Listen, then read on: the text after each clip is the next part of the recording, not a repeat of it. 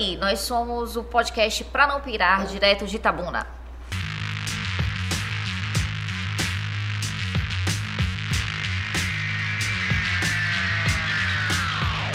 Olá, gente. Esse é o podcast Pra Não Pirar. Aqui é Michele. Brisa. E Érica. Hoje com a participação especial de um resfriado.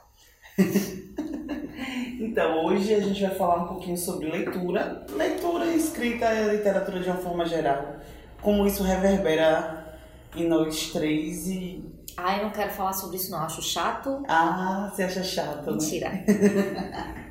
Imagina se ela gostasse. E aí? Estou aqui diante de duas escritoras, então...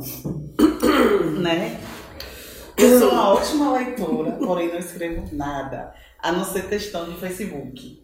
E tretas? E tretas, sempre. Tretas. E queria, assim, que vocês falassem um pouquinho sobre a escrita e, e como foi essa, essa influência da leitura na escrita. Falei um pouquinho de vocês. Tá. Érica. Eu. É... Eu sou apaixonada por livros e por palavras e por histórias. Eu, quando eu era criança, morava em Salvador. Minha mãe e minha avó trabalhavam em casa. E por conta disso, eu, ficava muito tempo dentro de casa. Então, ou eu assistia televisão, ou eu lia. Porque eu aprendi a ler muito cedo. Eu, eu não, não me lembro exatamente quando nem como, mas eu lembro que eu tinha uma. Minha avó tinha uma prima que desenhava muito bem e ela escreveu e ilustrou um livro junto comigo quando eu era criança, que era o Nossa. livro da minha vida. Que lindo. Contava uma história. Era, era muito lindo. E essa tia, Você ainda tem isso? minha avó tem, mas eu nunca, nunca mais vi esse, esse, esse livro, essa coisa. Essa tia, é, ela faleceu. Era uma pessoa muito próxima e eu não me lembro dela.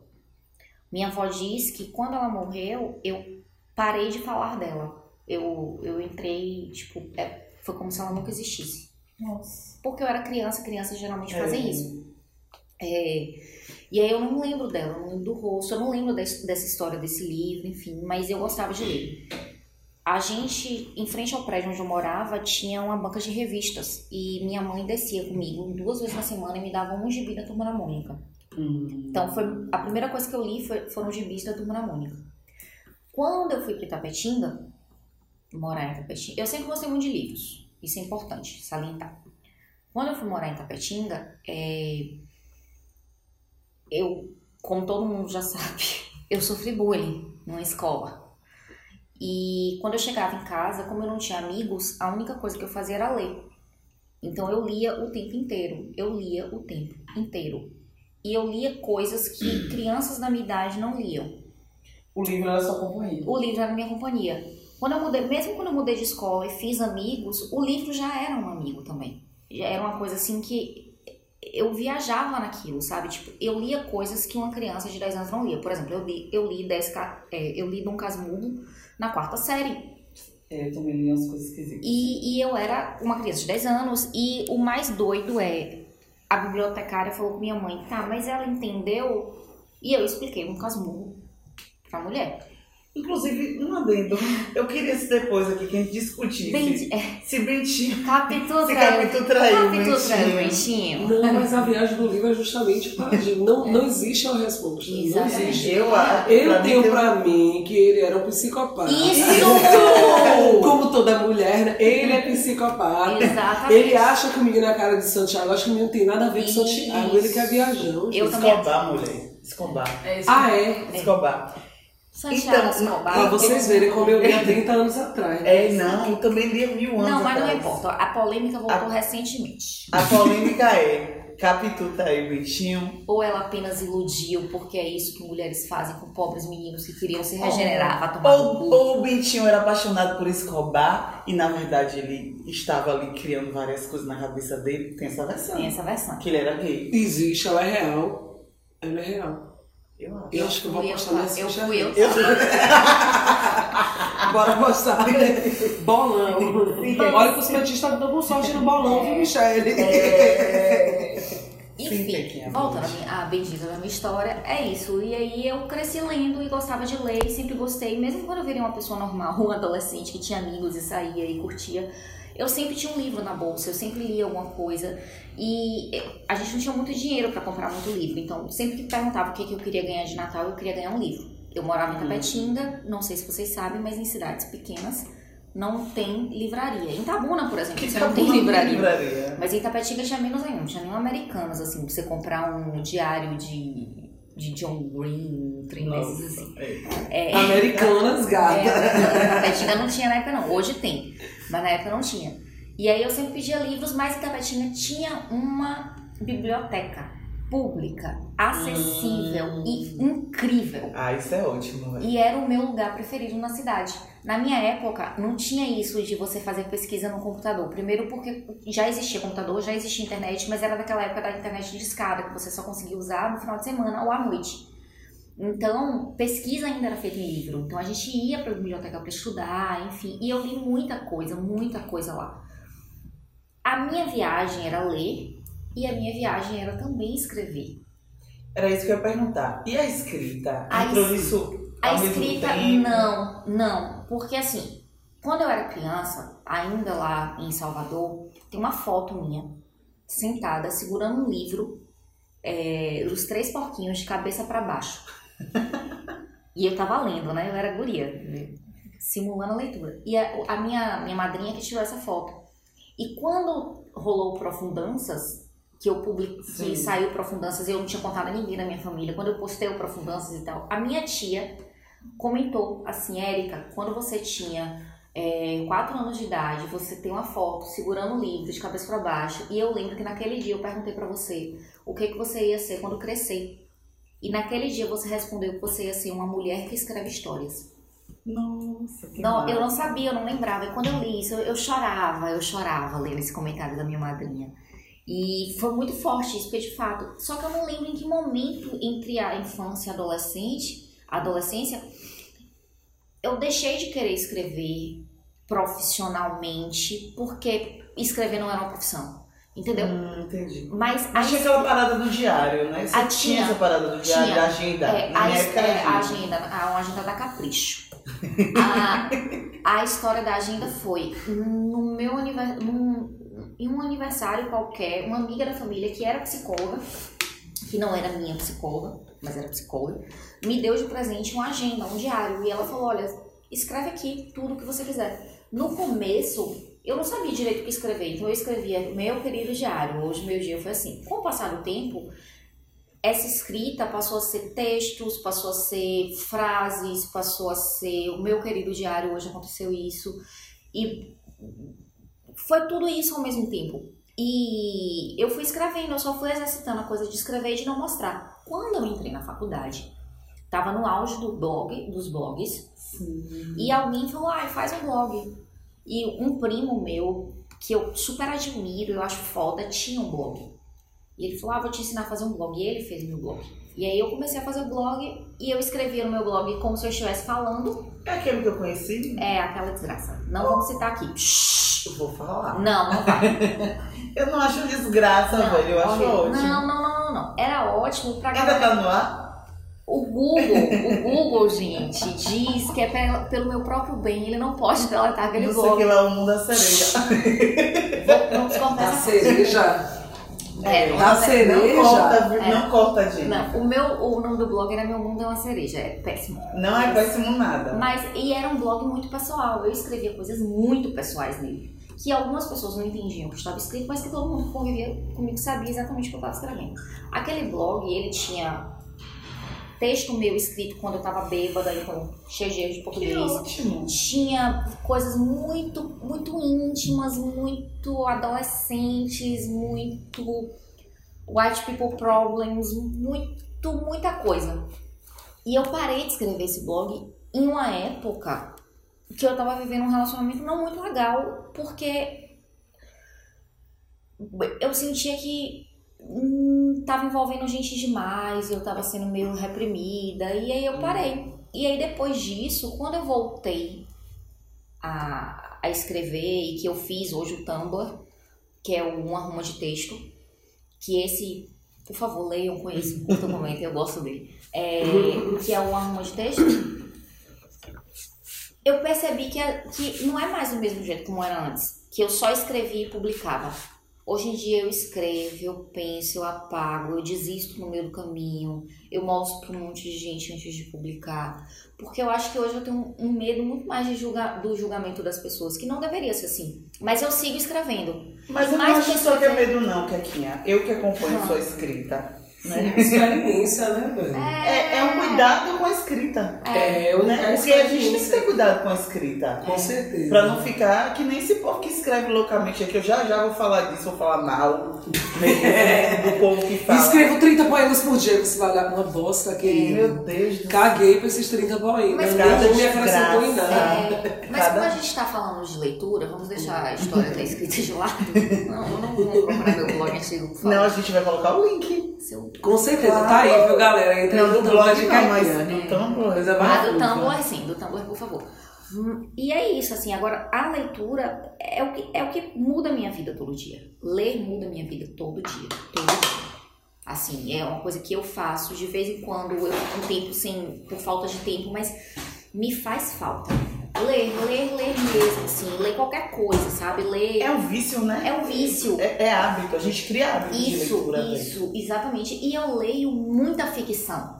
Apesar das pessoas da minha área e do meu Ah, eu convívio terem tudo. lido muito, estarem lendo muita coisa de técnica e autoajuda. Eu não leio autoajuda, gente, não diz. Graças a Deus. Ah, eu também não. Obrigada, meu amor. É, não rola. assim. Não faça isso por você. Apesar, apesar da galera tá assim, e é muito esquisito quando a- as- é, é doido assim, eu falo, ah não, eu leio uma média de quatro livros por mês.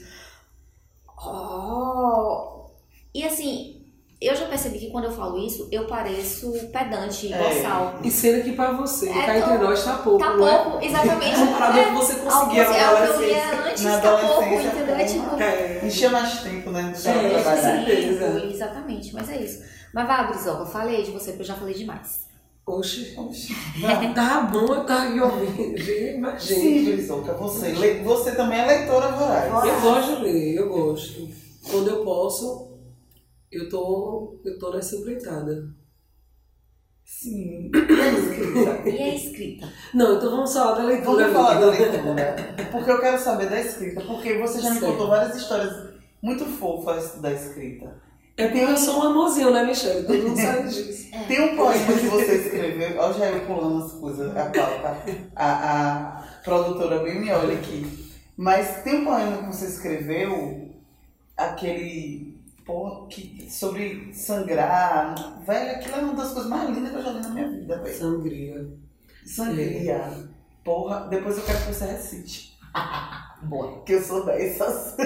Hum. É muito lindo aquilo, Brisa. E você me contou a história de como você escreveu aquilo, pá. É, é Hum. muito bacana. Se não for para recitar contar. poemas, você nem vem. Não é mesmo? Então, gente, é, eu, tô, eu tô meio rouca mesmo. O que é que falou da gripe, eu também tô, tô curando a gripe. Mas eu tomo gelado do mesmo jeito, porque eu sou ousada. Mas é o seguinte, vou falar primeiro um pouquinho da minha história com a leitura. também. Isso. Só um pouquinho. Uhum. Porque eu gosto. É. E porque eu tenho uma história que eu gosto relacionada com isso de leitura. É, Na verdade, para mim, o lance da leitura tem a ver com a linguagem mesmo. Eu sou muito de linguagens. Eu sou, eu sou professora de língua estrangeira. Acho que vocês já sabem disso. E a coisa da palavra me pega muito. Me pega essa coisa do verbo, do. Eu gosto de palavra, eu gosto desse. Porque, na verdade, boa literatura nada mais é do que a pessoa conseguir fazer essa composição, É. Isso. né? Não é mesmo? É.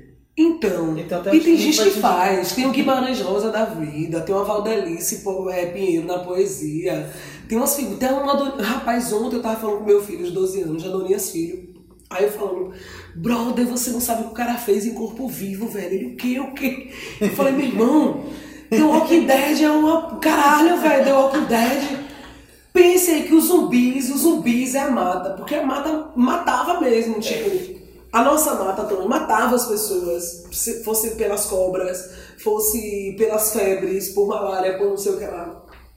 Fosse, enfim, Pelos jagunços. pelos jagunços, pelos. Assim, se você não fosse. Sabe aquele lance de um lugar, um espaço e tempo onde você não tem interferência nenhuma do Estado? Né? Você não tem civilização, você tem pessoas tentando sobreviver e a qualquer momento você pode morrer porque aquela mata fechada, ela lhe assassina. É, aí a pessoa fala assim, The Walking Dead, eu falo, meu irmão, você não leu... Parabéns, Mistério. Trabalhou toda a gravação do podcast.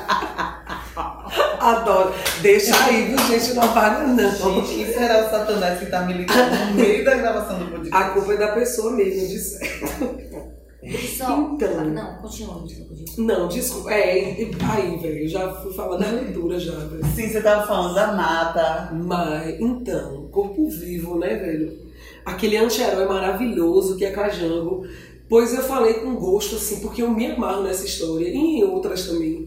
E aí, quando eu vi, Rudar tava na metade do livro. Eu falei, yeah. Aí ele, mãe, mãe, Cajango é massa mesmo. Eu falei, é, velho, é massa. Vivo é incrível. É isso, e, e eu acho que o principal pra mim da leitura é que a leitura ela dá uma coisa pra gente que nenhuma outra mídia, nenhum outro meio tem.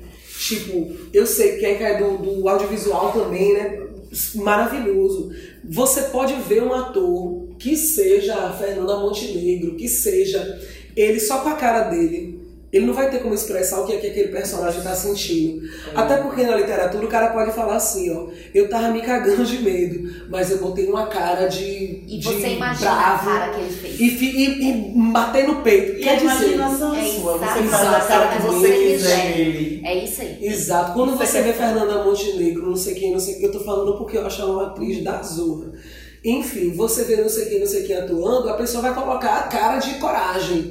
Mas você não sabe o íntimo do personagem, É. não tem como transpor isso pra tela. Eu acho maravilhoso a construção psicológica. A gente falou de Dentinho agora, né?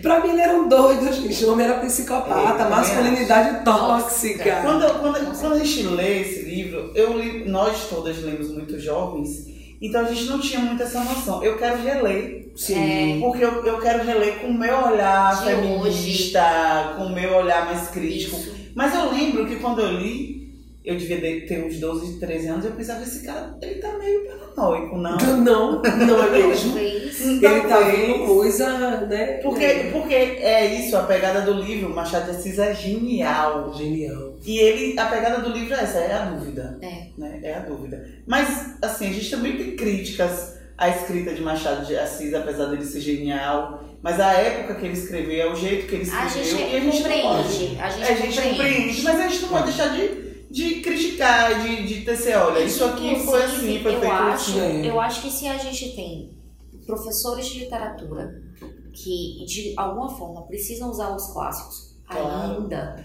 é, é uma oportunidade, inclusive, de tentar ressignificar essa literatura. Tipo, olha o que ele escrevia naquela época. É, E na verdade, Poxa, a velho. gente sabe, vocês sabem, né, que Dom Casmurro é baseado em Otelo de Hamlet. Isso. De, de de Shakespeare. Gente, eu não Ó, mas não. deixa eu falar uma coisa. Os, os clássicos, pra mim, pra minha formação, depois eu vou que Brisa falar, eu vou falar da minha.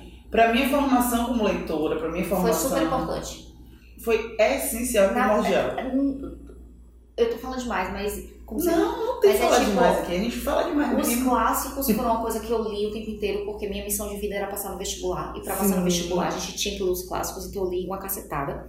E na minha escola tinha uma, uma gincana que incentivava a leitura.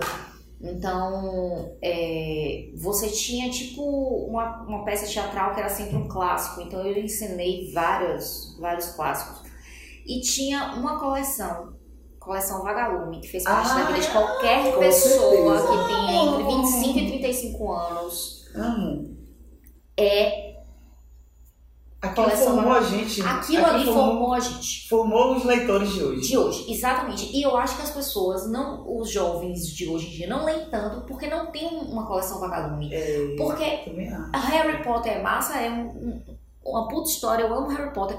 Mas, mas, nada é como o Escaravelho do Diabo, que se Verdade. passa no Brasil, um mistério. Não, nada é, nada é mistério, como, tinha nada é como xisto, nada, Tu, velho. sabe? Tipo, é, são livros Menino assim que eu sem pátria. Isso, como, como que era aquele outro que tinha, que era, era não sei lá, de xisto e mangari. Não era xisto, não. é, Era, eram dois. Ah, um menino da ilha, que eles se perdem numa ilha. E aí qualquer criança e qualquer adolescente pensava. Poxa, eu também queria fazer uma jangada e me perder na ilha. E principalmente porque a gente é geração pós-bunny, né, gente? É. A gente queria uma aventura na A gente vida. queria uma jangada. Eu ficava imaginando. No. Rio, e, e a minha dor, a minha dor era perceber que Que o Rio apesar de ser não. É, não, dor era perceber que apesar de tudo, o Rio Capulé era poluído demais pra eu fazer uma porra de minha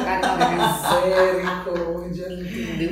É, velho. Sim, Brizoca, termine de contar a sua história. Mulher mesmo, não é? Eu, eu fui, eu fui na China. Ah, não, já é. A gente, a gente é assim. A gente, Então. Esse podcast é isso, né? É, é, pronto. Mas é pra não pirar, a gente tem que dar É, a gente tem que dar assim. Possíveis Mas, comentários ó. desse podcast parem de ser doidas.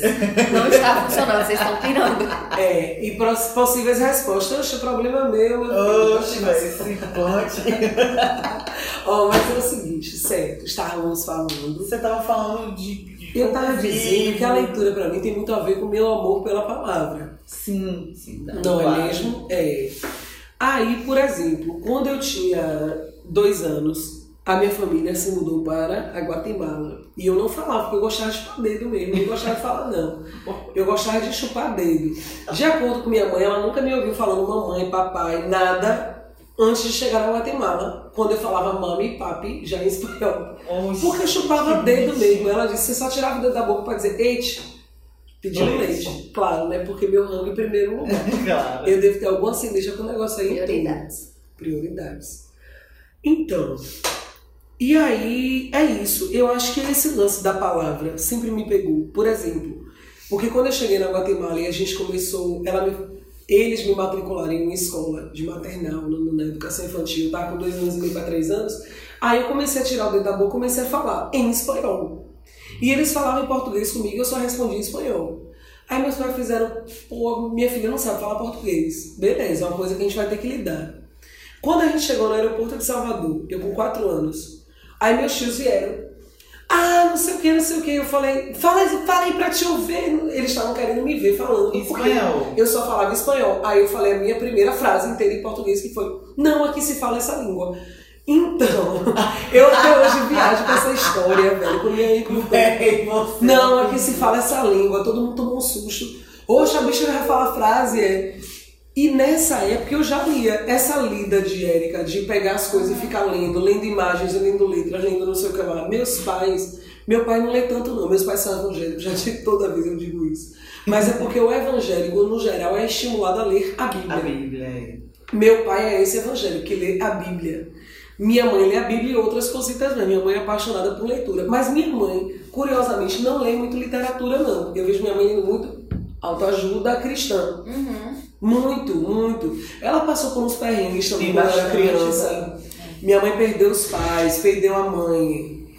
Ela perdeu a mãe com 33 anos de idade, extremamente jovem, perdeu o pai na sequência. Então, assim, eu, eu entendo que foi uma literatura que a ajudou e muito. Minha mãe nunca teve Porque a acesso à também terapia. essa função, velho. E a gente já vai falar disso. Exato. É isso, porque ao mesmo tempo que eu falo assim, ô, velho, eu não curto, e eu não curto mesmo não, velho. O livro de, auto, de autoajuda, eu sei que foi algo essencial para mantê-la equilibrada. Minha mãe teve um dia que ela acordou e simplesmente metade do corpo dela estava paralisado. E rola. Sabe? De tensão, de estresse, de porque os pais tinham morrido, não sei o que, e coisas assim que na infância eu lembro. E eu lembro de vê-la passar e de uma forma muito cristalina. Minha mãe é massa nesse sentido. Ela nunca escondeu da gente, ela falava assim, ó, não tô legal, Tô sofrendo. Mas em nome de Jesus vai passar. Porque é a fé dela também. E eu acho lindo, acho genuíno, sabe? E aí ela. É isso, velho. E a literatura acompanhava demais minha mãe e me acompanhava também. Keka falou da turma da Mônica, eu lembrei de vez em quando, não era toda semana não, que não tinha essa grana não em casa, mas de vez em quando rolava as turma da Mônica. É, minha mãe hoje, a gente, hoje não, mentira, ontem estava falando por telefone, ela falou assim, ô minha filha, porque eu falando com ela sobre um trabalho acadêmico que eu tinha entregado e que a minha orientadora elogiou, falou que estava muito bem escrito e que eu só precisava formatar algumas coisas com relação à BNT. Aí eu disse pra minha mãe, minha mãe, minha filha, quem lê bem escreve bem. E é verdade. Mas não é? É. Mas Quem lê bem escreve bem. Eu lembro nos aniversários todo da família. Todo aniversário tava todo mundo correndo, você deitada ou sentada em um canto lendo. Tipo, tinha a casa de uma tia minha, tia Jamile, ela comprava coleções e coleções de livros, histórias infantis para os filhos, porque ela queria estimulá-los à leitura. Eles pois cagando. cagando. E eu chegava lá, ficava louca, tentando ler o mais rápido possível. Hoje, eu, meu estilo de leitura é uma leitura quase que dinâmica. Eu leio realmente muito rápido. É, E eu atribuo a isso. E segundo, eu só descobri que na biblioteca você podia levar para casa quando eu já estava na sexta série, que hoje é o sétimo ano. Até então eu não sabia que você podia levar para casa. Eu achava que você tinha que ler o máximo que você conseguisse no tempo do intervalo lá. É Ou seja, eu passei a terceira série, quarta série, quinta série, engolindo a merenda, correndo pra biblioteca, lia, lia, lia, lia, lia o máximo que eu conseguia, aí fazia uma dobrinha sem a bibliotecária ver para ela não me matar. pra saber onde tinha parado. Pra eu saber onde eu tinha parado, botava num canto específico para no dia seguinte ir lá. Eu levei um tempão lendo assim. Quando é que isso mudou? Quando eu mudei de escola, eu fui morar no Paraná, eu- na sexta série. E a bibliotecária da minha escola, Colégio Vicentino São José, que eu amo, que, ó, velho, Pedro Bandeira esteve lá na minha escola conversando com a gente. massa. Fala sério, que escola era aquela? Eu amava, amava minha professora Leni, de língua portuguesa, que eu amo. Vamos Nem sei fazer se ela uma vai ouvir o professora desse podcast, velho. Vamos, vamos. Que foram pessoas que fortaleceram mesmo minha caminhada com a Ah, eu leitura. super quero fazer uma Né? viagem e tal. Elizabeth, Oh, minha professora de literatura. Ó, eu quero citar Tia Creu, Tia Creu, dona do educandário, sossego da mamãe, da minha alfabet, que me, alfabetiza, me alfabetizou. Depois foi Lu, que foi minha professora é, já de, de português e literatura no ginásio. Virgínia, que também foi minha professora de português. E no segundo grau, que na minha época era segundo grau, horrível com isso. É, eu quero, Ensino eu preciso citar Lorde Roba, vulgo Robervaldo. Mas a rede social dele é Lorde Roba, eu vou fazer o quê? Gente, já quero, já vou catar essa pessoa. Isso, Lorde Roba. Lorde Roba, ele deu a primeira aula de literatura que eu realmente falei que de foder, porque o que é que ele fez? Ele deu uma aula em que ele falava sobre os estilos barroco, né, contando Ah, a tadinho. história da época. Ah, Então ele virava contextualizando. Isso, É mas assim ele contextualizava desse jeito. Tava lá o bonito do Machado de Assis, lá naquela época, não tinha mais porra nenhuma para fazer, fumando seu charuto. Resolveu escrever um livro assim assado. Neste livro, a gente fala. Ele. ele o primeiro storytelling Fazer do livro. você falei, "Não, visualizar. Isso. É, é. Isso, e, e, tipo assim, Isso faz toda a diferença. faz toda a diferença. Claro. é isso. No ensino. Claro. Você que é professor, que é da área de Sim, linguagem, o meu pai do fazer céu. essa conexão da palavra com a imagem Exatamente, é outra com coisa. é, é toda, faz toda a diferença. Toda a diferença. Inclusive porque quando a gente lê, a gente faz essas conexões, mesmo que a gente não queira, imediatamente. existe. Não existe. É por isso que quando a gente vai falar de adaptações pro cinema e tal, todo mundo reclama. É, Mas eu, eu não que é a vejo visão do assim. diretor, né? Mas eu não vejo assim. Eu acho que Não é são nossa. linguagens diferentes e eu acho que o massa é você ter a liberdade para, por exemplo, eu acho que se eu ler, ou se eu lesse hoje é, os, os meninos lá da jangada, que eu não lembro mais o nome do livro, mas era da coleção Vagalume, eu vou imaginá-los de outra forma completamente Ah, com diferente. certeza. Porque hoje você é outra Porque Érica. hoje eu sou outra pessoa. Eu vou imaginar um cenário diferente. Inclusive, não é só porque eu sou outra pessoa, é porque eu tenho outras referências. Então, eu, eu fui formada numa leitura mesmo, real. Meu pai é um homem que gosta muito de ler, muito culto, mas que não teve muita oportunidade de estudar, então ele meio que focou isso nos filhos, né? Meu, meu irmão, infelizmente, para desespero de meu pai, não gostava de ler. Então ele falou: é essa aqui que vai me salvar. Então meu pai é meio louco. Assim, me incentivou a ler muito, muito, muito, desde quando eu comecei a ler. Então era revista em quadrinho, muito acesso. Eu tive muito acesso à leitura. E assim, uma das primeiras coisas que eu li na vida foi Shakespeare. Olha só.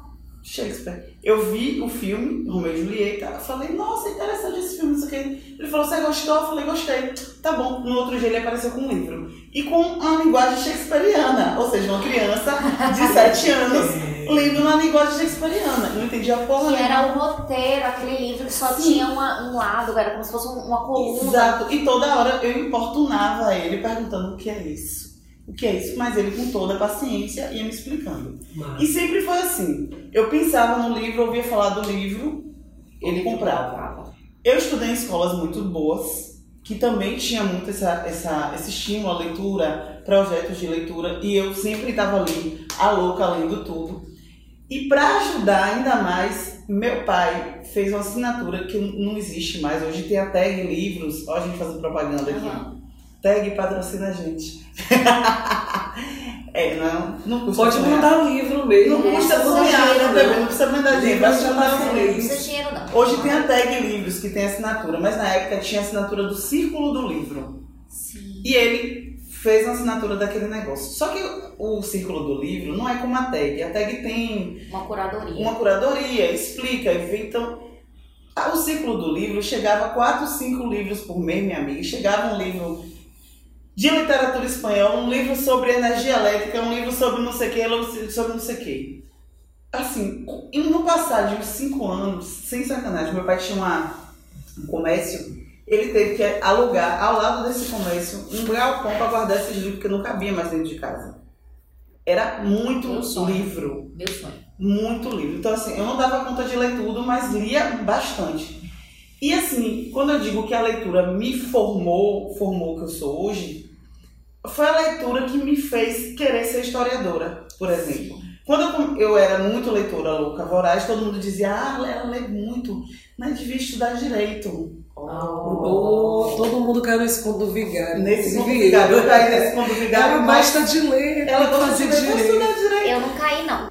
É foda isso. Então, aí vai estudar direito. Fui estudar direito, não deu nada certo disso, que eles pensavam, ótimo, graças a Deus.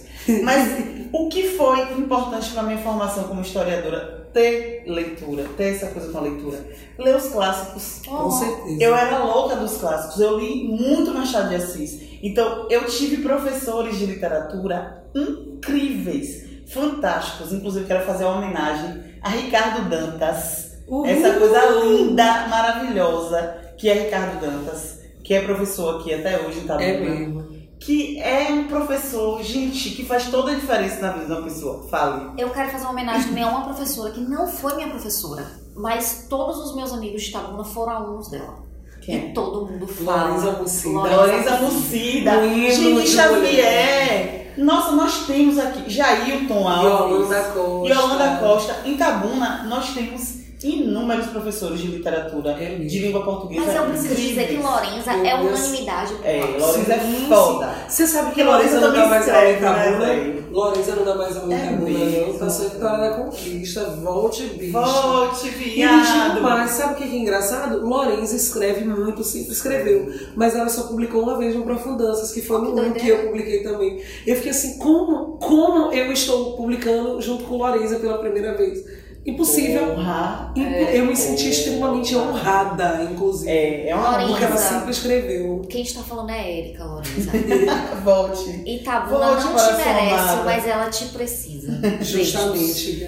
Aí, sim, só voltando a Ricardo rapidinho, eu queria dizer que a primeira vez que eu li Carolina Maria de Jesus Ai, que foi delícia. Ricardo que, que me fez ler. Pô, velho, meu coração. Então, então veja, olha quanta coisa. Eu tive muita sorte. Inclusive, eu tive um pai que me Quem tá influenciou. com meus submissas órgãos de mulheres Eu. Salvador? Eu Alguém que eu devolvo. emprestei. Eu tô querendo reler, velho, sério, não tô achando. Eu devolvi. Me reempreste, por favor. Mas se tiver, devolva. Desculpa.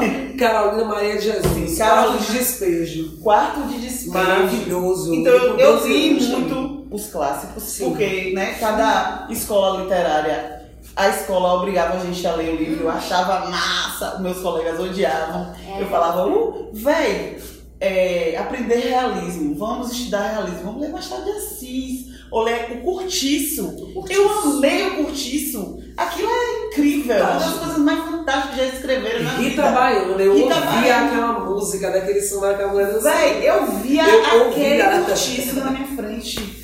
É muito incrível a escrita daquilo. Aí vem Ricardo Dantas num, num colégio particular, sabe? Cheio de filhinha de papai. E, e lasca Carolina Maria de Jesus, quarto de despejo. Véi, aquilo pra mim. Mas, E aí já estamos falando do- dos livros, né? Que impressionaram a gente. aquilo foi um divisor de águas na minha vida. Foi- ali eu entendi, eu dei de cara, mesmo que indiretamente, com a fome. Ali eu entendi que, as- que existiam pessoas que passavam fome, velho. Aquele livro é, é desnudar a pobreza, a miséria, o Brasil que a gente vive, que viveu e que tá vivendo agora. Porra, foi assim, foi um diferencial na minha vida aquilo ali. Eu- Quatro dias de despedida. O que foi diferencial, assim, Pra você. o primeirão, eu não lembro exatamente, porque de fato a coleção Vagalume me marcou muito, mas tiveram dois livros que eu li na adolescência que mexeram com a minha cabeça. Um foi, eu, foi, chama Baleias Não Dizem Adeus. Eu ganhei esse livro, não é, não é um clássico, não é ó, um grande e premiado escritor. É, Baleias Não Dizem Adeus era a história de uma menina que os pais estavam se separando e ela fez uma viagem de barco com o pai, porque o pai dela tinha um barco, gostava de viajar e pesquisava baleias. E uma das coisas que no livro que, ela, que o pai dela explica para ela sobre o comportamento das baleias é que as baleias elas só vão embora, elas só vão embora. Vão embora. Deixam os filhos, criam os filhos e quando eles estão prontos, não são os filhos que vão embora, são as baleias que vão. E eu lembro que aquilo ali ficou, mexeu demais. E eu sou louca pra reler esse livro, mas eu nunca achei ele pra comprar. E eu tinha e me roubaram. Quem tiver, Agora, hoje é o dia de lavar roupa suja aqui nesse O nome podcast. desse podcast vai ser Devolva Minha Devolva minha porra de meu livro. É. E tanto que eu não empresto mais livro, eu não empresto mais livro pra ninguém, não me peço livro. Não, eu sou manteiga derretida, eu sempre disse isso, eu não vou emprestar Podia mais. ser. Mas eu não eu ainda insisto pra pessoa levar. Falo, vem, leve que você vai Eu não gostar. empresto mais não. Eu falo assim, se você quiser, eu te mando o link da Amazon. Eu sou dessas. E E qual foi o o outro? outro foi a biografia de Nelson Rodrigues, O Anjo Caído. Eu sou a louca das biografias. Eu, eu não era, eu nunca tinha lido uma biografia na minha vida, eu, Eu nunca tinha lido uma biografia. E Uhum. Nelson Rodrigues, eu me lembro, eu me lembro claramente de ter entrado na biblioteca de Tapetinga e ter uma estante nova, cheia de livros novos, mas livros novos mesmo, fisicamente Um novos, cheiro de novo. novo. E a biblioteca pública da cidade não tinha muito isso. Com certeza. E quando eu, eu, eu vi aqueles livros, eu falei, meu Deus, eu quero. E era um livro de capa preta. Falei, ai que livro lindo. E tinha escrito O Anjo Caído. Só isso. Falei, ai, vou amar. Carreguei. quando eu cheguei, óbvio, eu já tinha ouvido falar de Nelson Rodrigues, mas nunca tinha lido nada dele, enfim. É, inclusive, porque na biblioteca de Tapetinha jamais teve um livro de Nelson Rodrigues. É, e eu levei pra casa, quando eu abri, eu percebi que era a biografia dele. Só que era a biografia dele contextualizando tudo da infância, das ligações políticas dele, da família dele, do Maracanã. E aí eu visualizei, sabe? Tipo, porque era história, mas era uma história mais recente. Então, foi muito doido, assim. Eu nunca tinha lido a história de alguém que existiu mesmo, entendeu? Eu nunca tinha lido uma biografia. E aquilo ali, pra mim, foi. Aí eu comecei a gostar de biografia. Começou a ser uma coisa que eu gostava. E que eu falava assim: nossa, eu acho que quando eu crescer eu vou escrever a biografia de alguém. Ainda não achei ninguém que merecesse ser. Talvez eu escreva a biografia da minha avó. Você gosta de biografia? Eu me amarro e a biografia que me marcou na vida foi de Malcolm X. Hum. Que porra, que biografia, Sim, amigo. sim. Que biografia, me marcou demais a perspectiva dele do mundo. Quando eu li também, porque falando de Malcolm X, é uma biografia fantasiosa. A de Malcolm X não, mas a que eu vou citar agora, que é Negras Raízes, que fizeram inclusive adaptações né, para televisão e tudo. Ela é uma biografia fantasiosa, ela é meio que uma ficção. Mas falando em livro que me marcou, já que vocês estavam citando assim, algumas obras, é, Érica estava falando da coleção Vagalume, mas antes da coleção Vagalume, eu lembro uma vez, eu com 10 anos de idade, meus pais chegaram em casa, porque eles já sabiam, já gostavam muito de ler, eles chegaram com o exemplar de José Mauro de Vasconcelos, Meu Pé de Laranja. Ah! Fia, eu chorava. Sim, eu é chorei. meu Foi o primeiro livro que eu chorei. Foi o Eu primeiro chorei livro que eu real. O primeiro livro que eu chorei foi Éramos Seis. Oh, tão fofa, E o menino, É do muito Dedo, e o triste, menino né? do Dedo Verde. Era que o menino fofo, sobe a escada e vai. Ah, que ET. Porra de ET, o negócio é o menino do. Inclusive, acho que hoje, como professora, meu olhar para os capetinhas é muito devido ao meu pé de laranja lima. Porque eu olho e falo, pô, velho, eu sei, não é você, é o cão que atenta. eu sei que não é você, a literatura me ensinou isso. Não é você, é o cão atentando. E, e, e hoje? Quem é seu autor preferido hoje? Eita, tem uma cacetada. Cite É 17. difícil. Mentira. 17 não é o número do azar. É, o número do cão. Mas eu posso citar, vou citar alguns. Vai. Por exemplo, eu sou apaixonada, apaixonada por Clarice Lispector. Boa. E não é só Clarice Lispector, é a Hora da Estrela. Aí tem aquela coisa de, de memória afetiva, né? Sim. Brother é um livro que você abre, a pessoa começa com tudo, tudo no mundo começou com um sim. Uma molécula diz sim a outra e assim nasceu a vida. Antes da pré-história havia pré-história da pré-história, havia o sim e havia o nunca. Não sei como, só sei que o universo jamais começou. Aí eu falei, porra! O que é isso? Deus! Para tudo! Para merece. tudo! Que eu vou precisar viajar aqui nesse parágrafo. E o deboche, velho, quem escreve não é ela, é Rodrigo Assini. Porque uma mulher lacrimejaria piegas contando essa história. E a história de Macabé, que sou eu, velho, que é todo mundo. Meu irmão, eu chorava, eu chorava, eu chorava, eu chorava com esse É livro. um livro E é um livro fininho, né, Mítia? É. Eu acho que ele não chega a 80 páginas, não. Eu gosto também. Eu sou alucinada por A Hora da Estrela. Eu sou. amo 100 Anos de Solidão.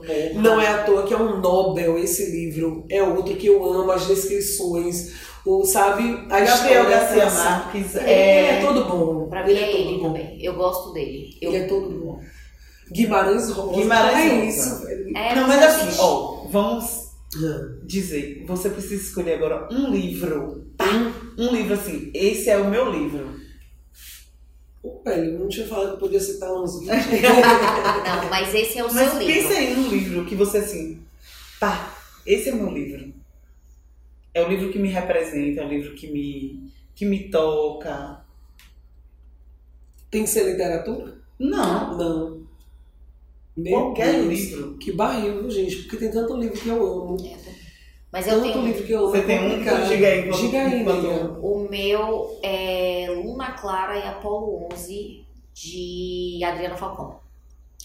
A Adriana Falcão, na real, é tipo, ah, eu amo Clarice Lispector, amo o Guimarães Rosa, adoro o Ricardo Loyola, Gabriel Garcia e essa, esse povo todo. É massa. Mas a Adriana Falcão é New Generation, sabe? Tipo, ela tá viva, ela tá escrevendo loucamente, ela é uma, uma puta escritora pra mim, assim. E esse livro, Luna Clara Apolo 11, ele é o meu livro, porque ele é literalmente a minha história ali, escrito. Parece que a mulher me conhecia e contou a história. Sabe, tipo, é. Vamos lá. É uma menina que mora sozinha com a mãe, que não conhece o pai e que o sonho dela é conhecer o pai. Ponto, gente. É Tá isso. parecendo a campanha do Bahia, Augusto. Repare, eu lembro uma vez que eu estava numa, numa, num momento muito difícil, num momento muito triste, muito foda, que você me mandou o texto dela. Eu mandei, porque ela. Porque, e foi assim, parecia, parecia não, você sabia o que eu tava passando, e naquela hora foi assim, é reconfortante. É, Foi dizer Adriana- assim, olha, calma, vai ficar tudo é, bem. a, a Adriana Falcão. Dela, de Adriana Falcão. É, a, a Adriana Falcão, ela escreve pra teatro e televisão também. E ela tem um jeito muito dela de escrever, assim. É- é, ela foi quem escreveu A Máquina, que virou filme, enfim, que é incrível. E ela fala. Tipo, ela não usa vírgulas nos textos dela, mas você entende tudo que ela tá falando ali. É, é muito doido isso, né? Não tem uma vírgula nos textos. É. E você entende, porque ela fala no ritmo. Ela é muito boa. Ela muito escreve boa. Acho que no- dessa geração é isso. nova.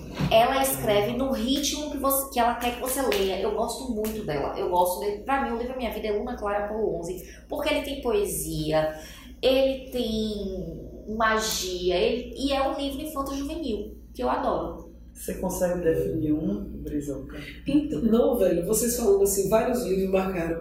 Germinal de Zola também, por essa questão da, da- do determinismo né, social, que hoje, depois de muita leitura, eu discordo em vários pontos. Mas ele me abriu as portas para entender que existe essa corrente de pensamento. É, Kafka eu gosto. Agora, Ai, Eu sou metamorfose. Ah, esse, esse, esse. É. Agora você quer ver uma coisa? Um livro que quando foi chegando da metade pro final, eu falei, velho, eu não quero ler mais não, velho. Eu não quero. Porque eu já tava tão apaixonada pelos personagens Você não queria que acabasse. que eu não queria que eles morressem em tocar a grande de Jorge Amado, velho. Não, vamos Eu falar de fazia Jorge assim, na moral, velho, não pode matar essa galera não, velho. Porque o nome do Diacho era tocar e você ia percebendo a tocaia Véi, se armando.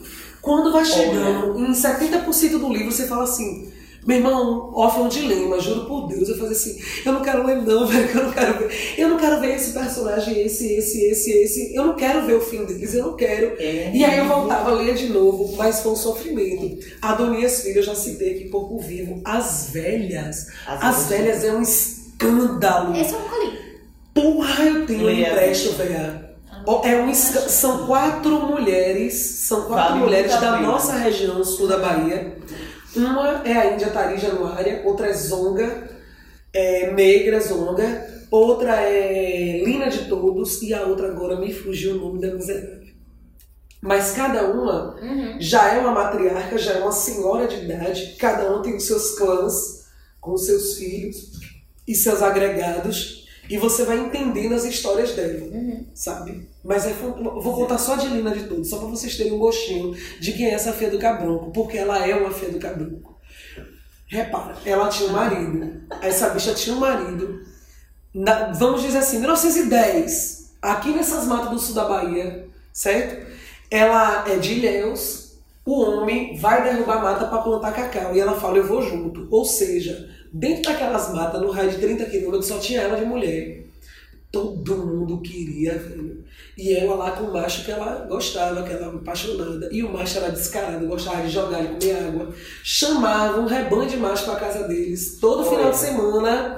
E passa as cuias de aguardente, come água e não sei o que lá. E Lina lá na cozinha, lá fazendo as coisinhas dela. Um belo dia esse homem perdeu tudo, apostou o quê? Lina. Apostou quem? Lina. Perdeu. A Isabeleu gigante ganhou, Lina. Aí o marido chama, né? O parceiro dela chama, Lina, vem cá. Aí ele ficou sem coragem de dizer. Isabeleu, o gigante, virou para ele e falou: Você agora é minha, que eu lhe ganhei no jogo. Aí Lina, muito lady, muito mocinha, chorou não, meu amor. Ela deu uma arrumada no decote e fez assim. Ah, ele me jogou, me apostou no jogo, foi? Ele me apostou no jogo, esse filho de uma égua. E eu tô carregando o filho dele no bucho. Mas desta eu não vou ser só de Isabeleu, não. Eu vou ser de todo mundo que cair matando pra cima dele. Meu irmão, 30 homens dentro do mato, meses sem ver uma mulher. Essa galera almoçou esse homem com facão, com machete, com tudo. No final ficou uma massa disforme no chão, esse cara. E aí Adonias Filho da ele vai além, ele coloca assim: se ela naquele momento dissesse que eles pegassem aquele homem, botassem na trempa e queimassem e comessem, eles fariam. Mas só naquele momento, porque quando um olhou pro outro, todo mundo melado de santo, que olhou pra ela, eles falaram: eita, o Satanás está nessa mulher. Ninguém quer não, um começou a correr, o outro saiu, o outro saiu, ninguém quis. Ela veio arrastando aquela massa que um dia fora o parceiro dela e jogou no riacho com jacarés e sentou e acariciou a barriga dela, prende, e começou a conversar com o filho. Essa é linda. Essa é psicopata. Você Já fala, meu irmão, como é que o cara pensou nisso? É o Clides Neto de Piauí. Pois é, Euclides Neto. Eu não, não li Euclides Neto. Quando Minha filha lê os magros. Os É. magros é assim, é um capítulo, Qual que é, os ué? ricos, um capítulo, os pobres, um capítulozinho. O, o, o que você tá adaptando, que é o. o- É um conto que é dentro de O Tempo é Chegado. É, É. um livro, O Tempo é Que é Chegado, tem vários contos. É de Euclides É, Neto. é de Euclides Euclides Neto. Neto. É sim, eu sou. sou... Ó, gente, aqui na região da Tem gente. muita coisa. A gente. Agora, eu, deixa eu falar de Jorge Amado. Fale, Jorge amiga, fale, É, Jorge. Amado. É um diferencial também minha Sim, Itabunense, de Itabunense de Ferrado, pois que é de Ilhéus é de Itabuna. É, nessa parada da coleção lá, da, da- do Círculo do Livro, eu e meu pai tinha uma dinâmica muito louca. A gente começava a ler um livro, ele lia um, eu lia outro, e a gente começava a contar a história um pro outro do livro. O que é que acontecia? Um tomava o livro do outro. Tomava o livro, ele tinha menos tempo do que eu, porque ele trabalhava, eu tomava o livro dele, a gente lia. E porra, Jorge Amado foi assim, uma coisa que a É gente unanimidade. é, que a gente começou a ler vorazmente. E um dos primeiros que eu li foi Tocar Grande, que você citou.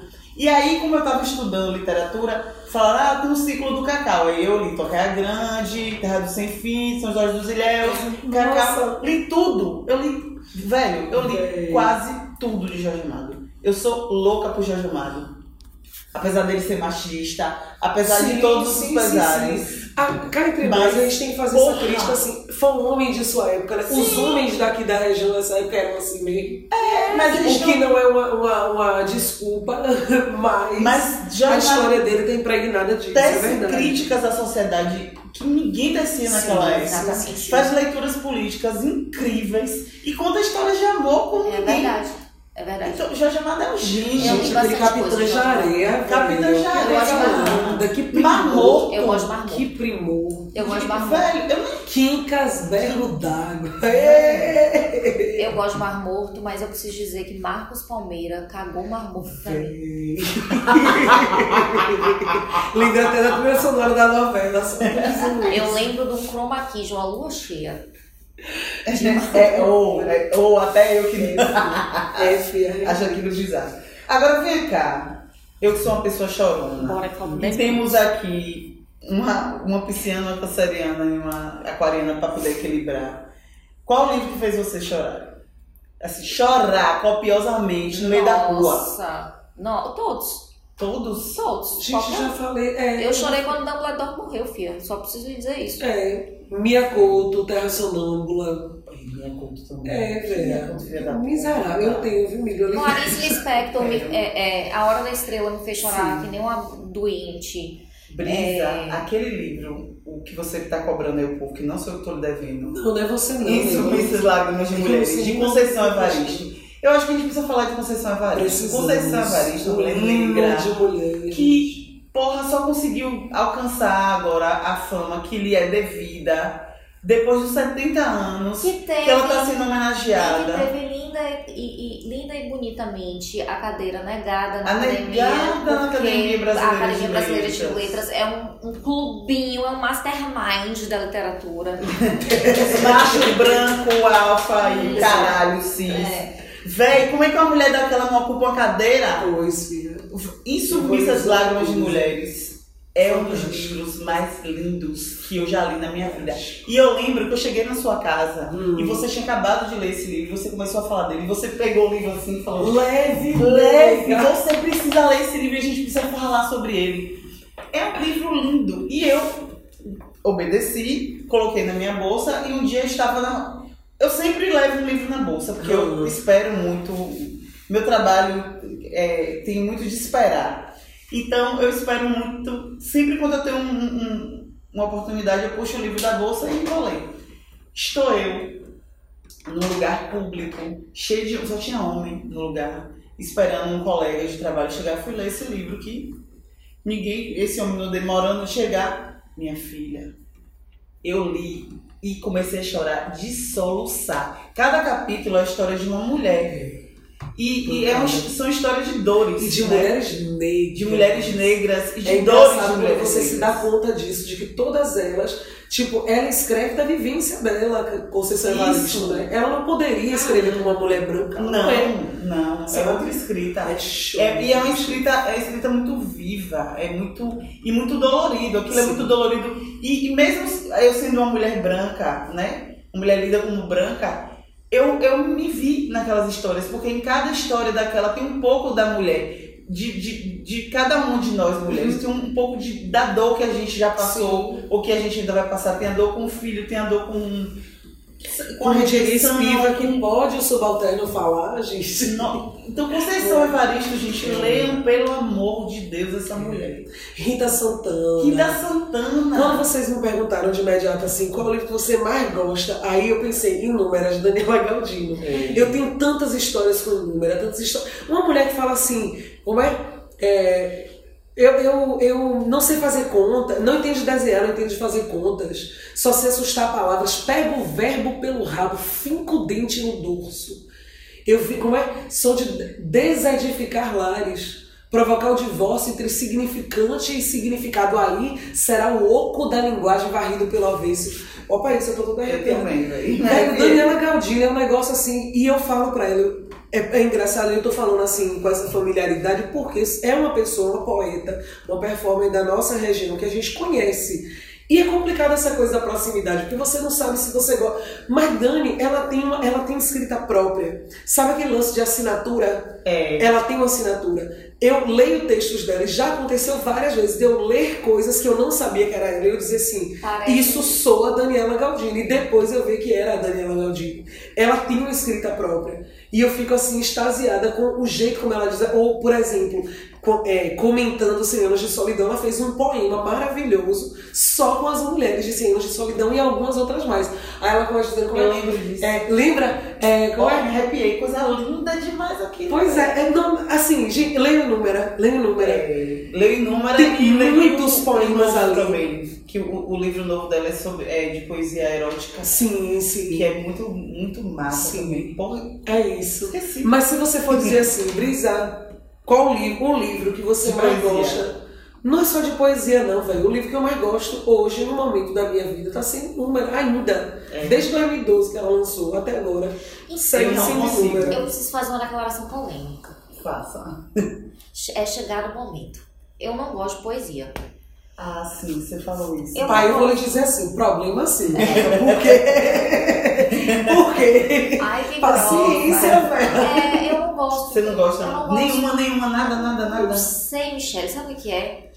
Eu não. Eu, não sei explicar. Eu não gosto, eu, não, eu leio. Não te toca. Tem coisas, algumas pontuais, me tocam. Sim. Entendeu? Tipo, Leminski me toca. Sério. Ai. E ele é super Lem- concreto, é, né? Leminski me toca. É, tem algumas coisas que Rita Santana escreveu.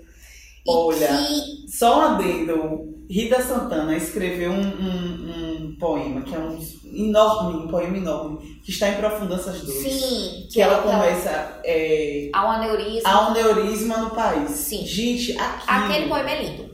Não tem. Isso, aquilo ali mexeu comigo. Tem, tem alguns outros que ela escreveu. Tem um que eu, eu não vou lembrar qual foi, mas eu publiquei no meu, no meu Instagram. Eu vou botar o link. É, e a É gente. sua prima. Você já leu Manuel de Barros? Você já leu Manuel de Barros? Você gosta, não? Eu gosto. Eu mas- gosto, eu Ah, gosto, sabe de quem que eu gosto? Eu gosto de Drummond, de poesia. Ai, Bruno é fofinho. Pronto, mas assim, não é, eu não entro e eu falo, ai, vou comprar um livro de poesia. Se Entendi. um livro de poesia está à minha disposição, eu pego e leio alguns poemas e se aquilo ali Entendi. me ganhar, me ganhou. Eu não, não viajo. Não, Mas é Eu não diferente. sinto essa- Eu entendo você, eu entendo. Mas eu quero dizer assim, se você for ler um livro de poesia com a disposição, com, como a gente está falando, com um mindset de literatura, de literatura ficcional e tal, não vai não rolar, vai velho. Não vai é. rolar. Eu acho que É outra eu mentalidade mesmo. É, é outra dispo... Você tem que estar aberto a um, a um outro tipo de experiência com as palavras. É, Eu gosto, Aí rola. eu, eu não gosto, não, não me atrai, eu não vou buscar poesia. Entendi. Se a entendi. poesia chega até Entendi. mim, Entendi. eu, eu abraço, dou aquela acariciada, mas no geral não. Sim. E- Agora deixa eu falar do meu livro preferido. Fala. emenda, por favor. Minha gente, eu não tenho, não consigo definir o livro preferido. Agora, sério, vou dividir em categorias. É porque assim, eu, eu li muito, muito na minha vida, então eu sempre lembro dos últimos que eu li. É assim, eu gosto muito de Saramago. Eu sou louca, Oh, eu apaixonada por Saramago. ele é maravilhoso. E é, Ensaio sobre a Ensaio Cegueira, sobre pra a mim, é uma coisa absurda. Pronto, esse livro eu chorei da primeira Fia. página até a última. Realmente. Vocês já leram As Intermitências da Morte? Já. Meu Deus, Já. o que é aquilo? O que é Você que é aquilo? da linguagem. E- Saramago, ele passeia na linguagem, ele brinca, ele sapateia, ele, ele delicia a linguagem. Saramago é um gênio. Pronto. Pra mim, tem Walter Hugo Mãe, que pra mim é o novo Saramago. Eu li um livro dele agora que, Esse eu não conheço. caralho, leia. Ele é, é contemporâneo, nosso contemporâneo, ele é muito bom. Ele teve na Flica do ano passado. É, é Cada canto. É, é, tem Velho, e tem, e tem deixa eu livro falar. de, de... Diz que eu lembrei aqui agora, velho. O melhor livro de contos que eu li nos últimos tempos. Ponte Estreita em Curva Sinuosa. Jaqueline Jaqueline Paiva. Paiva, meu Jaqueline irmão. Paiva. Tem contos ali que eu rio. Ele é tem muito bom. Aquilino. Inclusive, eu acho que Muito bom. bebe, bebe lá em Saramago, porque ele Sim, tem sim, a pegada da escrita muito Todo mundo grande. bebe, porque no final Né? das Todo contas, mundo todo bebe. bebe, todo mundo. Que escreve um Claro. conto bebe em Rubem Fonseca, por E exemplo. acabou. Sim. É isso, Pronto. é isso aí. Né? Mas aí, por Será? exemplo, eu, gosto muito de biografia. Sim. Eu sou a louca das biografias. Eu já li biografia de quem você pensar e imaginar. Historiadora, né? É, eu sou historiadora, então é foda. Eu, eu gosto muito da, da biografia de Timaya, De Nelson Mota. de Nelson Mota. E eu tô lendo agora de. Como é o nome daquele cineasta de Vitória da Conquista? Glauber. Rocha. Estou lendo de Glauber Rocha que ele escreveu, sobre a juventude de Glauber Rocha. Comecei a ler anteontem. E é, eu li recentemente a biografia de Elza Soares, que foi escrita por Zeca Camargo, e eu peguei esse livro com muito preconceito, devo Porque dizer. foi Zeca Camargo. Porque foi Zeca Camargo, eu sou historiadora, a gente tem um pouco em ginja de, De jornalista querendo jornalista escrever querendo história, né? escrever Ah. biografia, história. Eu sei, é um velho, preconceito. A galera às vezes É quer porque- é porque, velho, né? repare, É- A gente que é historiador, a gente faz um trabalho histórico muito minucioso. Pra vir Zeca Camargo e falar. Mas ele fez um puta trabalho. Massa. Ele fez um trabalho Porque lindo. ele é um jornalista responsável com a cultura. E tem uma outra coisa. E tem uma outra coisa. É fazer uma biografia de uma pessoa que está viva e produzindo como Elza. Elza Soares lançou semana passada um, um disco novo, gente. Então, assim, Elza Soares está vivíssima, mais viva do que nunca produzindo. E você escrever um- uma biografia de uma pessoa que está viva é muito difícil. E ele fez isso muito bem, indico. Aí, poesia. Poesia, meu amor, é Drummond. Ai, amo. Drummond. Pois as coisas Amo lindas, muito mais. Então eu vou tatuar isso. Elas ficarão. É, mas eu também gosto muito de Adélia Prado. Ai, eu tinha esquecido O dela amorzinho. também. É, Eu tô lendo sabe- de novo o primeiro Este- livro dela, Bagagem. Porque vocês são assim, vocês leem vários livros ao mesmo tempo. Leio. Sim. Eu sou louca, eu leio vários livros ao mesmo Ai, eu tempo. Mas eu tenho uma categoria Noite pra ler, assim. Ah, de eu leio Jesus. várias coisas. Eu, eu, eu leio, assim, tipo assim, eu tenho categorias. Então, tipo, eu tô lendo ficção, eu leio um, sempre um de ficção, sempre tô lendo algum de ficção. Aí, junto com isso, por conta do trabalho, ultimamente eu tenho lido muito livro técnico. Ah. Também pra- Não, também bem, a gente falou de literatura, agora bora citar um livro técnico. Ah, Da cada um da sua área? Da área que quiser. Por Da exemplo, minha área. Eu sou historiadora, eu vou é, eu vou querer falar um que é da psicologia, que é dos estudos culturais, mas tudo bem. Diga. É da minha área, querendo ou não, né? Claro. Só que não, é. Franz Fanon, Pele Negra, Massaras Brancas. É, Ai, deixa eu pensar. isso não é foda. E Onda, Onda Negra, Medo Branco, também, de Célia Marinho de Azevedo, que foi quem me levou a Fanon. Então tem que citar. Inclusive, tem, essa peça tem cartaz em Salvador. Eu tô sabendo, nega, se eu tivesse dinheiro, ou se eu pudesse meu dinheiro desse, eu já tava lá assistindo. Queria, viu? Eu vou citar o que eu tô lendo agora, que é Sim. A Lógica do Consumo. Seu autor, não. Vou, procurar aqui. mas- Caralho, pra Sem mim, porra, vocês me botaram numa sinuca de bico 10 gramas agora, viu? Porque é, Sou historiadora, falar de escolher um livro da área de história. Não, Pra pode ser falar que assim, seja esse- técnico, eu digo assim, né? Não, que não bicha. seja literatura. é que não seja literatura. Mas eu, o que eu não leio da área de literatura, eu, leio- eu leio de história, de relações sociais. Ah, não sei. Isso aí. Então, assim, deixa eu ver. É que Martin Limpson. Porra, não É consigo isso pensar em um agora. É assim, de pronto, de pronto não também. Ah, Agora, eu, eu gosto de todos os livros de Hobsbawm, gosto... Lilia Schwartz, Lilia Schwartz. historiadora, Lilia Lilia Schwartz. Schwartz, eu gosto demais do que ela faz, Sim. do que ela pesquisa. Mas Lilia Schwartz tem à disposição de uma editora e várias pessoas. Ah, pronto. Sim. Pronto, lembrei de um aqui, de um historiador baiano Hum. chamado João José Reis. Assim. O nome do livro é A A Morte é uma Festa. Ele faz. Eu sou. Eu tenho uma relação péssima com a morte, mas sou obcecada pelo tema. Então, Hum. ele faz uma pesquisa histórica sobre, sobre a- os rituais da morte no Brasil e fora do Brasil, como eles influenciaram a- a- o nosso ritual de morte cristão aqui, e ele fala sobre a revolta da cemitéria. Esse livro é uma das coisas mais incríveis que eu já li na minha vida. eu tenho outro também. É Televisão Levada a Sério. Eu tava pesquisando Ah, que era, esse é de Arlindo massa, eu já Machado. li, Esse é é massa, é muito massa. legal. Televisão Levada a Machado Sério. é É muito legal. A gente vai citar só mais um livro. Vá. Eu vou perguntar depois É a última coisa. É, a gente não vai acabar esse podcast. Acabou. porque assim, quando eu tava na graduação, eu sou historiadora, mas eu sou apaixonada por literatura, como vocês podem ver. E quando eu tava na graduação, eu tive uma louca que eu queria fazer uma pesquisa com literatura e história, que envolvesse as duas coisas. E eu fui pesquisar Lima Barreto. Ai, que coisa linda. Eu fui A pesquisar gente Lima fica esquecendo das pessoas. É Lima tudo Barreto, gente, é uma coisa Ele é maravilhosa que existe. ele é Os fantástico, ele é ácido, ele é doce, é crônicas de Lima. Barreto é, são incríveis. E eu estudei muito algumas crônicas e contos, e estudei o Diário Íntimo, e estudei também é, o, dia, é, o Cemitério dos Vivos, que é o Diário de Hospício, porque Lima Barreto ele foi internado por causa internado no hospício por causa de alcoolismo. Sim. Então ele tem uma história fantástica, Eu incrível. Leiam, leiam Lima Barreto. Vou- vamos encerrar. Sem fazer rodeio. Sem fazer rodeio. É, livro e autor de fora, gringo.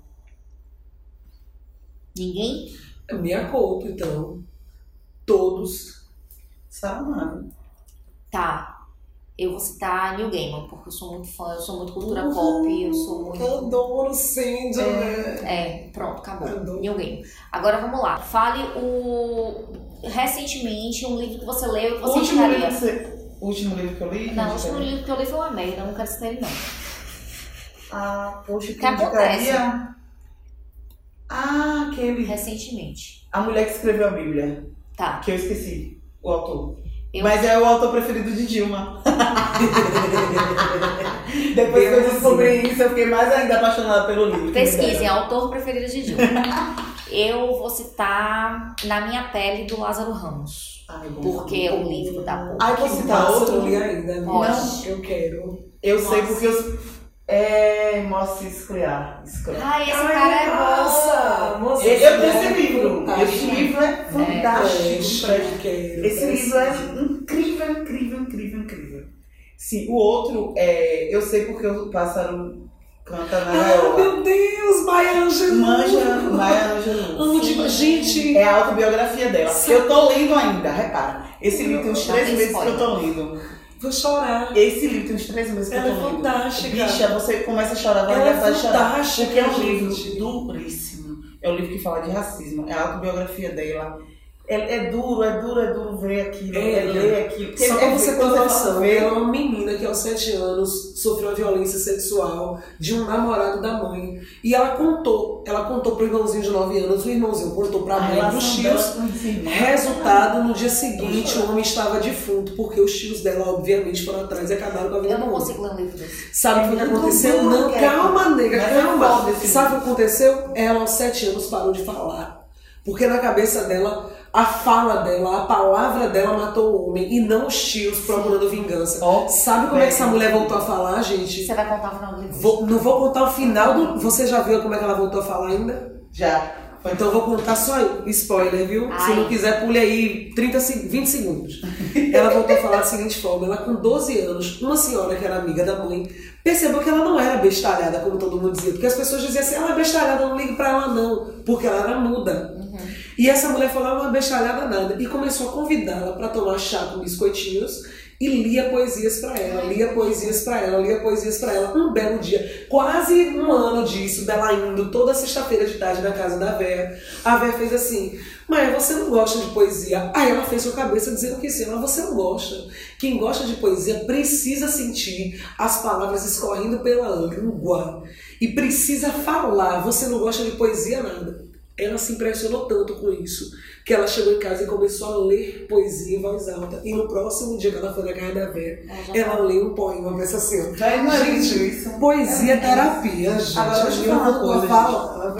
Eu preciso falar uma coisa de, de literatura. Eu não posso falar de literatura e não falar isso. A gente lê muitos homens e muitos homens brancos. Uhum. Né? O mercado editorial ele é muito escroto. Sempre foi. E, é, e ultimamente eu tenho feito o exercício de ler mulheres. E ler mulheres negras. De Jamila Ribeiro. Olha, e ler mulheres e ler mulheres negras. Eu tô muito ligado no que as mulheres negras estão produzindo. E Djamila Ribeiro, para mim, é um marco, não só no mercado edi- editorial, mas é um marco teórico no Brasil. É Sim. verdade. Djamila Ribeiro está produzindo teoria na academia Com Ó, chegar me certeza. arrepio, aquela mulher é foda. E ela não só está produzindo, como ela está juntando todo mundo que produz pra fazer junto. Isso não é qualquer pessoa que faz, não. Aliás, amiga. né? Que é mulher- famoso Aquela bora mulher é um fazendo. Exu. É. Aquela mulher não é Exu. Abrindo os caminhos de todo o mundo. caminho de todo mundo. Aquela mulher é foda. A mulher tá indo pra tudo que é canto no mundo e não conseguiu ganhar o jabuti. Perdeu o jabuti pra gabeira. Meu cu pra gabeira. Sim, o que é que eu falo? Não, meu cu pra gabeira não, porque ele não merece. Sim, deixa eu falar. É isso. A gente tem que fazer esse exercício de ler mulheres negras. E ler, e ler mulheres. E eu tenho lido muito. Eu li. Só, só pra acabar. é, eu, eu tenho lido Chimamanda. Ah, Sim. meu Deus, como é que eu não tinha falado dela? Chimamanda é. Chimamanda é linda. Chimamanda linda. É uma mulher maravilhosa. É uma mulher que você tem que seguir Uhum. na vida. Sim. Não só pra ler. Na vida você tem que seguir. E o último que eu li de Chimamanda foi um que Jennifer me prestou no seu pescoço. Que é, livro de, que é um livro de contos. Que é Deus. fantástico. A- Eu tenho o meu sol amarelo também, se você quiser. Eu Eu tenho quero. americana em inglês. Eu quero bisco roxo. Mas eu tenho, eu tenho bisco Ah, roxo e tenho meu sol amarelo. Ah, É, é porque é uma mulher muito E, foda. gente, ultimamente, se você tiver com preguicinha de ler, não tiver rolando, tem podcast. É. Não, gente, Chimamanda tem TED Tem. Talk de 15 minutos que É. você sai energizado. O Dois delas famosíssimos. É o. Histórias pra Ninar, to- Garotas todos- Rebeldes, tá podcast. Sim. Tem, tem um Todos podcast. deveriam ser feministas, né? De, É. de Chimamanda também. É, todas querem. E o perigo da história única. O perigo da história é única, velho. Aquilo ali é um E, marco. e aquele, aquele livro, é, Como Educar Crianças Feministas, Isso. fininho, É. deve ter um, o quê? Umas 30 Que é páginas. baseado nesse TED Talk que ela deu. Que Todos, todos, de- we all should be feminists. Todos deveriam É. ser feministas. Ou- outra Ela é coisa, outra autora. Não, não, não me pode, por favor. Bell Depois a gente volta qualquer coisa. Bell Hooks, todo mundo precisa Nossa. Hooks, o feminismo é para todos, para poder. Vocês que falam que, não, que feminismo é mostrar os peitos, que feminismo é isso, que nananana, lê, parem de falar merda e vão ler Bell Hooks, o feminismo é para todos. Porque Bell Hooks ensina, além de feminismo, ensina a ser professor, ensina a ser gente. Bell Hooks ensina a ser gente. Ah, eu quero falar de outro livro. Fala. Olha, gente, a gente vai acabar esse podcast nunca. Mas é isso, é literatura. Eu gente queria, ama. eu queria falar de um livro que eu li recentemente. Ele é antigo e ele virou filme também. Eu ouvi no podcast, o menino do podcast falou desse filme. Do filme falou, ah, porque tem um livro, e daí eu li o livro, eu gostei do livro, e aí eu procurei. Chama Eu Ouviria as Piores Notícias dos Seus Lindos Já Lábios. falar. Que livro lindo. Já ouvi falar. Que não livro legal, que livro diferente e que livro massa e surpreendente. Assim, ele é, ele é tudo assim, sabe? Tipo, no final você acaba e você fala. Hum, sabe quando você lê aquela história que você fala. Ah, não tinha percebido isso, mas não é que é? É, é, é massa, assim, leiam esse. E fora que eu gostei dele por causa do título, eu adoro títulos assim, compridos, Sim, longos. sim. Ah, eu também gosto. Eu bem as fofo. piores notícias dos seus lindos lábios. é massa, É, velho. com certeza, é gostosíssimo. Eu gosto. Quando eu escrever um livro, o meu título do livro vai ser Ai, uma frase igual você, você falou de um, que rolou a adaptação cinematográfica, então eu vou indicar um bem rapidinho, Corações Impuros. É um livro, foi lançado em 2008, eu esqueci agora o nome do autor, mas ainda que eu já digo. E foi adaptado para o cinema em 2011. Velho, eu não, eu não vou nem ficar contando não, só procurem Corações Impuros, certo? A gente vai deixar, o- a gente vai deixar esse, esse É, link, a, a lista toda. a lista, a gente vai deixar essa lista toda aí. E mais alguns, porque. É, isso. porque a gente é, lou é a louca dos livros.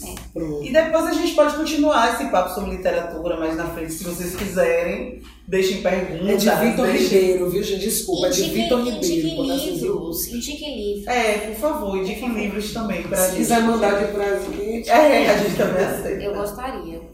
Mas a gente podia terminar agora, Um né? poema de Brizola. Com, eu queria que você contasse, que Conto, você recitasse. rapidinho. Vai lá. Então, minha gente. Eita. Ó o peso. Não, é, realmente, é o seguinte. A gente, todo mundo tem tretas na vida. E é isso. Eu, eu costumo lidar mais ou menos bem com tretas. Não gosto. Eu costumo lidar bem porque eu dou as costas. tipo assim, não gosto de entrar em treta, velho. E quando é pra entrar também, eu subo de, vez, de benção e vou com a faca no dente e o sangue no olho. Aí não presta. E eu me conheço, eu sei que eu sou assim mesmo. Eu sou galerista. Eu sou galerista, brother.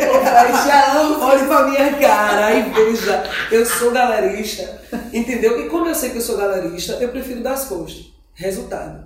Nesse fatídico dia do mês de março de mil. De, não, 1900 não, mentira, foi 2014.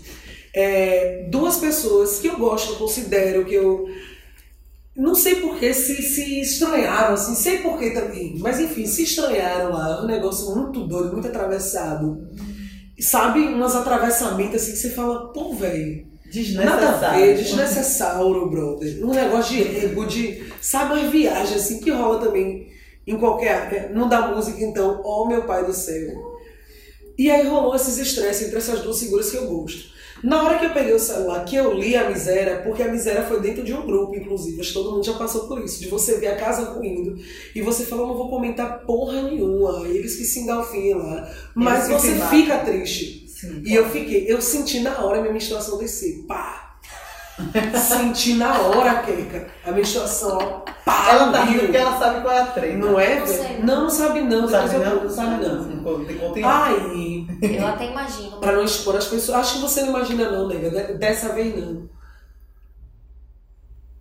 Gente, aí você fofoca, deixa ela contar. É, Ela tá fazendo sinais pra mim, gente, pra dizer se Ela tá escrevendo, eu quero Ai, dizer que ela tá a gente escrevendo. não vai dizer pra vocês que eu não mexo com as pessoas. Não eu sou uma pode. pessoa discreta, meu amor, tá bom? Não Mas se me mandar um direct, eu digo. Aham, com outra pessoa, porque esse menino é confusito. Pense, fa- faz confusão com todo mundo. Enfim. Deixa eu ver quem foi. Aí, o que, que aconteceu? Minha menstruação desceu, eu me chateei. Por coincidência, nesse mesmo dia, isso foi de manhã cedo, na escola. Nesse mesmo dia, eu conversando com a coordenação e uma aluna que eu gostava muito, que eu percebia que ela estava num processo depressivo e tal, e que eu conversava muito com essa menina. Ela me mandava poemas, de madrugada eu mandava pra ela, respondia. Sabe aquela coisa da pessoa que não tem amigos? Ela não tinha amigos, uma menina de 13 anos que não tinha amigos na escola, não tinha. E ela falava, oi prof, oi, e mandava coisas pra ela. Aí chega a coordenação e fala, fulana de tal, tava se cortando no banheiro. Ai, que merda. Se cortando tanto que melou, de acha, melou até a parede. Aí eu, pô, velho, eu fiquei mal com isso, eu fiquei mal, pensando, pô, será que. Como é que eu. Porque a gente pensa em tudo, né? Será que eu teria como ajudar uma palavra, uma coisa melhor? Não eu- teria. Não teria. E a gente sabe disso, mas ao mesmo tempo a gente quer poder. A gente não pode. Enfim. E ficou tudo isso embaulado dentro de mim. De noite, na hora de dormir. Eu não tava nem racionalizando. Eu fico até brincando, eu falei isso pra Michelle. Esse poema é o único que eu sinto que eu não escrevi. Eu parei. Porque eu não parei, eu não mudei uma vírgula, eu não fiz nada. Eu não fiz esse trabalho de construção de não, é melhor isso, é melhor aquilo.